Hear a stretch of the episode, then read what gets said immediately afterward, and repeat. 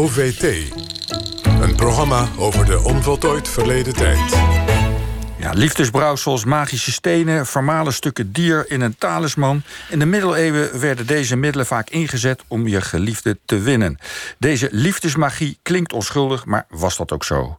Of valt het beter te vergelijken met drugs die tegenwoordig worden ingezet om vrouwen van een vrije wil te beroven? Was het de MeToo van de middeleeuwen? Marlissa Den Hertog doet onderzoek naar uh, seksuele gedragscodes in de Italiaanse middeleeuwen en is bij ons te gast. Welkom. Ja, dankjewel. Uh, ja, uh, tegenwoordig lees je het wel in de krant. Hè? Jongens die, uh, die iets stiekem met een drankje doen van een meisje om haar gewilliger te maken. Uh, begrijp ik nou goed dat dat in de middeleeuwen ook gebeurde?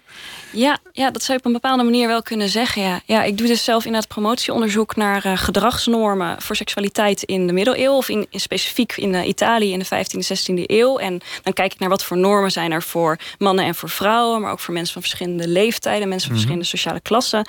En daarvoor lees ik een heleboel soorten bronnen. Um, ik lees medische teksten, theologische teksten en literatuur. En die vullen elkaar allemaal heel erg mooi aan. En toen stuitte ik inderdaad ook op bepaalde vormen van nou ja, liefdesmagie. Maar ook ja, begon ik me te denken van goh, hoe onschuldig is dat? En kunnen we eigenlijk niet beter het ook voor rape drugs hebben in sommige gevallen?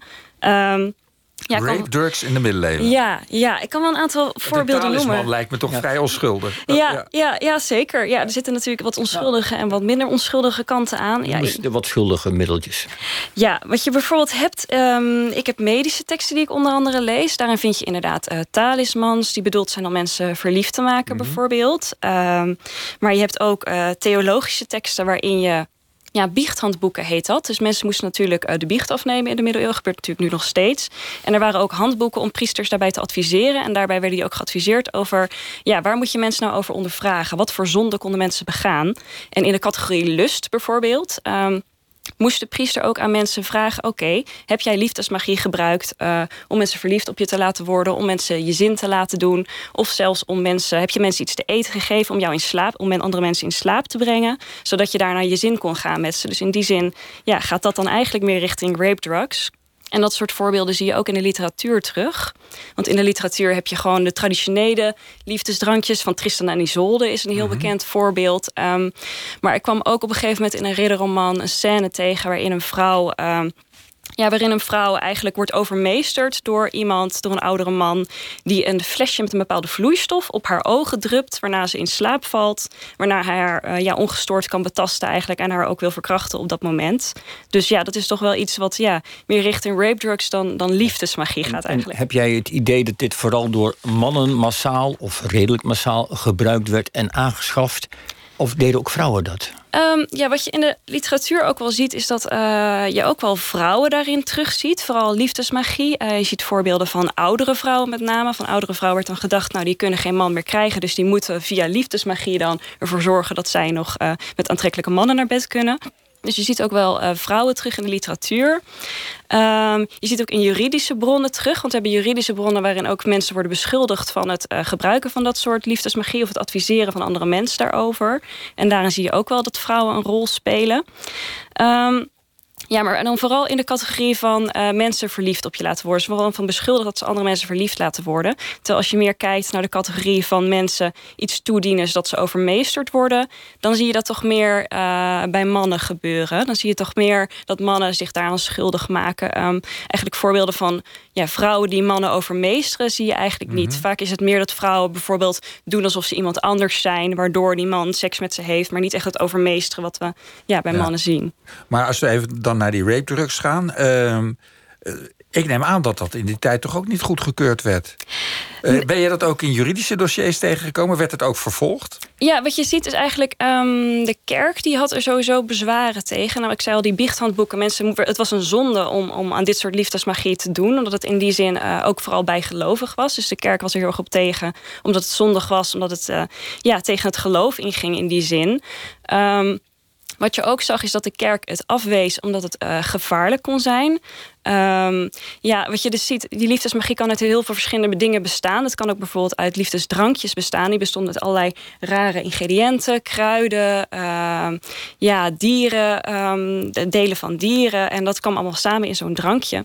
En wat je ziet is dat in zo'n biechthandboek ook wordt gezegd dat als iemand iemand iets te eten of te drinken geeft, bedoeld om iemand anders verliefd te maken, maar dat diegene eigenlijk sterft als gevolg daarvan dat diegene dan ook gewoon beoordeeld moet worden alsof diegene vrijwillig iemand zou hebben vermoord. Dus ze gingen ook uit van het idee dat het soms wel eens mis kon gaan in die zin dat je per ongeluk iemand iets giftigs gaf met het doel diegene verliefd te maken, maar dat het uit de hand liep.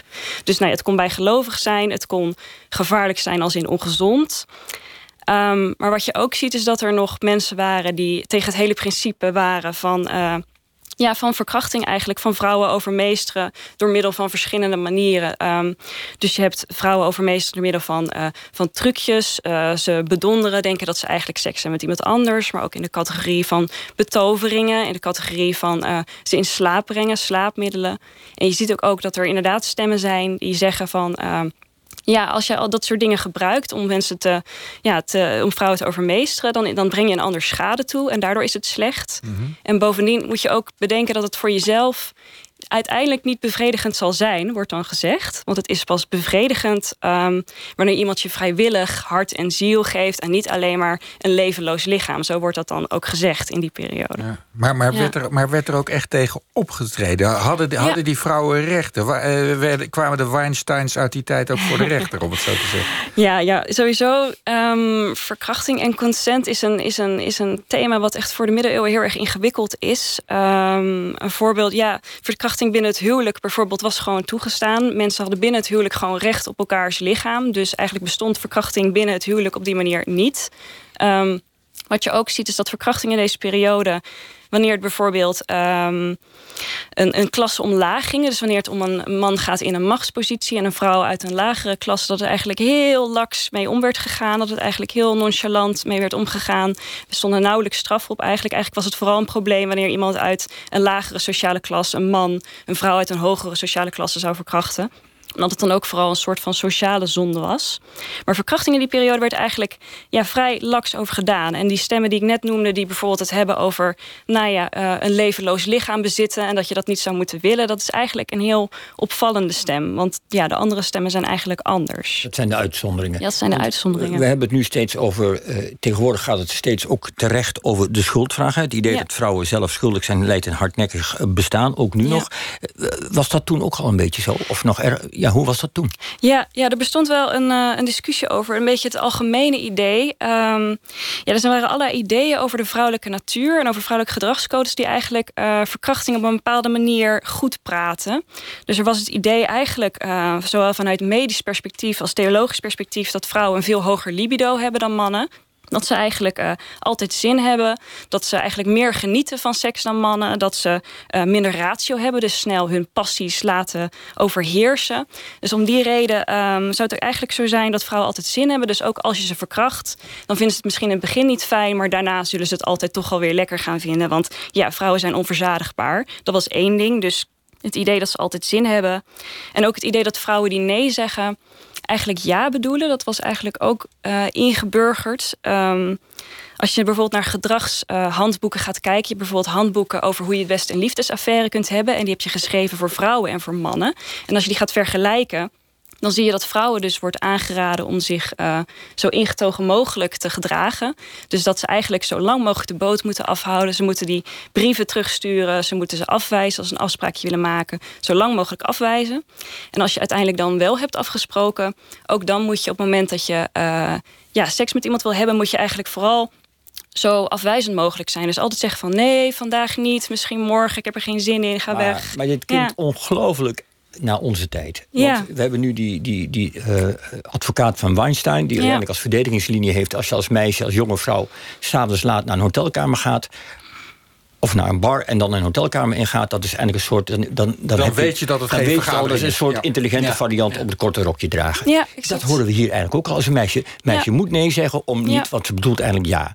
Is, dat de, is dat wat de les uit deze middeleeuwse praktijken? Ja, wat je denk ik hiervan kunt leren is dat er um, bepaalde achtergronden zitten voor, voor aannames die we nu nog, misschien nog steeds hebben. Dus inderdaad, nog steeds hebben we misschien af en toe het idee dat vrouwen die nee zeggen eigenlijk ja bedoelen. Dat vrouwen eigenlijk niet voor zichzelf kunnen spreken. Want wij weten heel goed wat zij willen en wij, wij weten dat beter dan zij zelf. En um, ik denk dat het interessante is aan de middeleeuwen dat als je dat gaat bekijken en ziet inderdaad, er zijn heel veel overeenkomsten. Oké, maar bedenk dan wel, in de middeleeuwen dacht men, oké, Vrouwen hebben een hoog libido, want vrouwen zijn van nature koud. Dat zijn koude wezens en door seks worden ze warmer. Dat moet je dan eigenlijk ook aannemen. Als je dat, als je, dat zijn eigenlijk de achtergronden van dat hele idee. Dus bijvoorbeeld als je Ja, zegt... Een drankje. Ja, Ja. ja. en ook vrouwen die, die, die hebben geen ratio en daarom zijn ze inderdaad zo. Dus het idee is zeg maar dat als je dingen aanneemt zoals eh, vrouwen die nee zeggen bedoelen eigenlijk ja, dan onderkende je daar eigenlijk mee ook dat soort rare middeleeuwse ideeën die dat eigenlijk verantwoorden. Dat is de les die we kunnen leren. Ja. Dank je wel. Ja. Ja.